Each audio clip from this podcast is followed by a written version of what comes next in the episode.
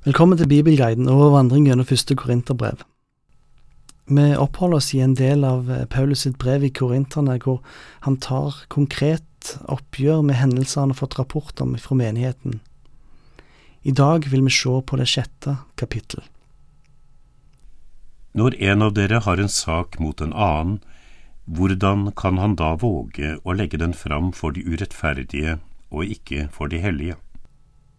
En case som Paulus ønsker å ta opp, er tilfeller hvor kristne brødre fører sine saker opp for en verdslig domstol. Dette er òg en skam. Skammen er at de ikke klarer å ta og ordne opp i, i det kristne fellesskapet, men må få hjelp ifra en verdslig domstol til å ordne opp om indre stridigheter. De har ikke tillit til hverandre, og velger å gå til domstolen med sine saker. Paulus er ikke imot domstolen, det er ikke et forbud om at kristne ikke skal gå til rettssak. Det er de indre forholdene i, menigheten som kommer så klart til syne, når interne stridigheter blir overlatt til det offentlige. Vet dere ikke at de hellige skal dømme verden?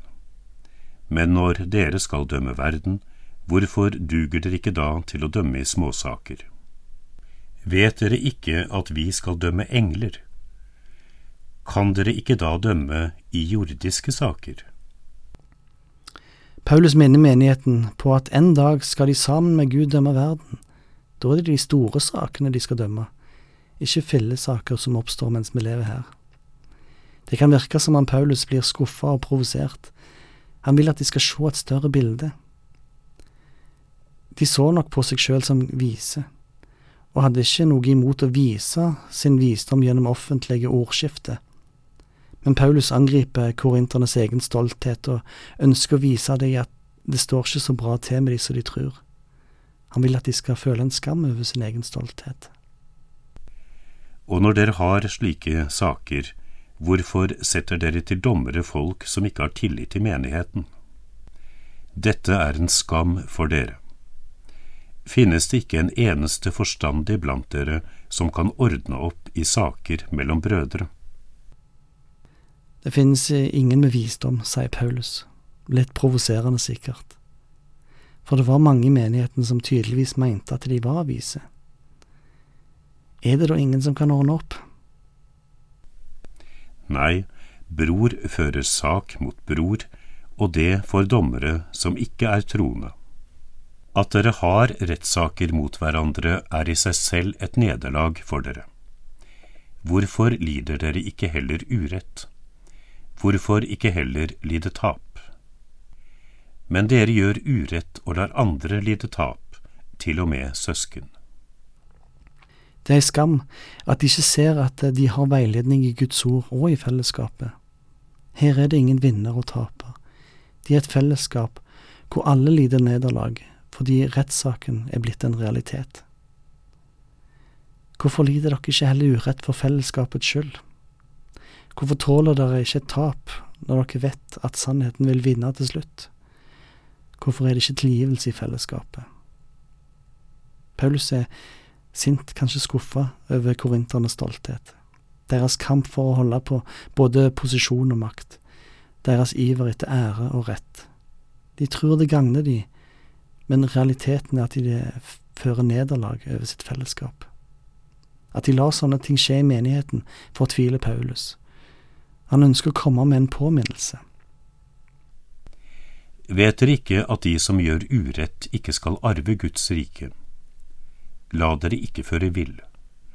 Verken de som driver hor, de som dyrker avguder, eller de som bryter ekteskapet, verken menn som ligger med menn, eller som lar seg ligge med, verken tyver, grådige, drukkenbolter, spottere eller ransmenn skal arve Guds rike. Slik var noen av dere før.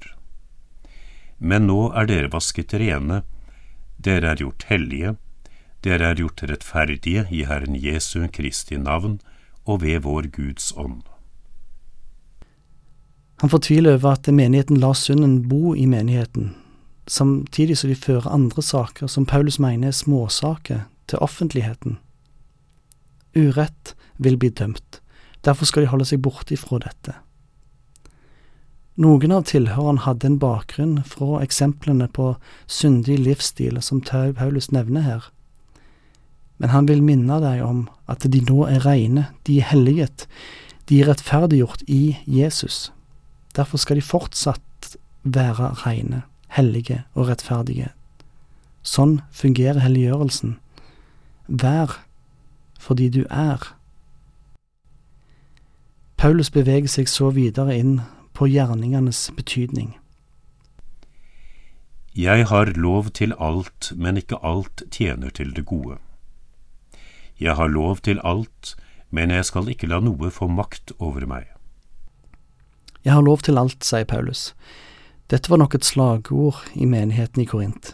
Ikke bry deg, pass på deg sjøl, alt er lov, det er ikke så viktig hvordan du lever, det viktigste er å ha kunnskap nok til å bli frelst. Sånn var gnostisismen. Det var ikke så viktig hvordan man levde livet. Det kan virke som Paulus ikke helt avfeier slagordet jeg har lov til alt. Vi har en stor frihet i Kristus, men det er en frihet med mye ansvar. Det er en frihet i Kristus, ikke i oss sjøl. Dermed fins det noen grenser. Ikke alt tjener legeme. Sånn er det heller ikke for den kristne. Alt er lov som bygger opp menigheten, kunne kanskje være det Paulus sikter til. Vi er ikke frie til synd, men frie fra synd. Vi er frie ifra synd til tjeneste for Kristus. Men så er det òg sånn at vår frihet ikke skal være et slaveri. At slagordet vårt ikke får makt over oss. Søren Kjerkegaard sier at eh, en er ikke fri når en følger sin natur og sine instinkter, nei, det er naturens slaveri. En er fri når en kan si nei til instinktene, lystene, driftene. Relativismen kan fort bli absolutt. På samme måte kan frihet bli ei tvangstrøye. Maten er til for magen, og magen for maten, men Gud skal gjøre slutt på dem begge. Kroppen er ikke til for hor, den er for Herren, og Herren er for kroppen. Maten for magen og magen for maten, det er jo logisk, det. Det hører sammen. Sånn er det mange som forsvarer en seksuell, liberal livsstil. Det er naturlig. Dette var praksis med templene i Korint. Der kom man sammen og spiste i, i klubben. På disse templene var det òg tempelprostituerte. Dermed var det like naturlig med seksuell, tilfeldig omgang som det var å spise i sammen. Sånn er det ikke med legeme og hor. Som frikjøpte tilhører vi Herren. Vi har fått vår frihet i Kristus. I Kristus tilhører vi Gud. Han har skapt oss til en gjerning, hans gjerning, ikke våre egne lyster og begjær. Gud reiste opp Herren, og ved sin kraft skal han også reise oss opp. Vet dere ikke at kroppene deres er Kristi lemmer? Skal jeg da ta Kristi lemmer og gjøre dem til en hores lemmer? Det må ikke skje. Eller vet dere ikke at når noen holder seg til en hore, blir de én kropp? For det står, de to skal være én kropp. Men den som holder seg til Kristus, blir én ånd med ham. I Kristus venter vi en oppstandelse. I Kristus er vi Kristi legeme. Som lemmer på Kristi legeme tilhører vi Herren. Våre gjerninger er ikke uten betydning. Om en byr seg sjøl til hor, gjør en seg til ett med synden. Vi er kalt til åndelig enhet i Kristus, og det går ikke om en samtidig gir sitt liv til en syndig livsstil. Hold dere langt borte fra hor. All synd som et menneske gjør, er utenfor kroppen men den som driver hor, synder mot sin egen kropp. Fly hor, roper Paulus. Det er synder som involverer legemet på en sånn måte at en skader sitt legeme. En gir seg over til en annen mester enn Herren. Det kan få makt over mennesket både psykologisk, emosjonelt og fysisk. Det gjelder ikke bare seksuelt utroskap, det kan òg gjelde alkohol og narkotika, som kan få makt over mennesker fysisk. Det får en makt i livet som kan kontrollere enten ved skam eller begjær, enten ved sårbarhet eller rus. Det er å gi seg sjøl over til en annen makt enn Gud. Vet dere ikke at kroppen deres er et tempel for Den hellige ånd som bor i dere, og som er fra Gud? Dere tilhører ikke lenger dere selv. Dere er kjøpt og prisen betalt, bruk da kroppen til Guds ære. Legeme, både individuelt og kollektivt, er Guds tempel. Vær hellig fordi dere er hellige. Dette er en gave. Dette er noe de er utfridd og innvidd til å være. Ikke fyll dette tempelet med det det renser ifra. Vi tilhører Gud og skylder å ære Han for det Han har fridd oss ifra med våre gjerninger. I dagens kapittel har vi sett på nederlag som menigheten i Korint lei, både fordi de førte interne stridigheter frem for den offentlige domstol for å vinne individuell rett på bekostning av fellesskapet, men òg den moralske liberalismen som levde i forsamlingen. Paulus minner de om at gjerningene betyr noe. I neste kapittel og episode vil Paulus belyse forskjellige etiske aspekter med samlivet.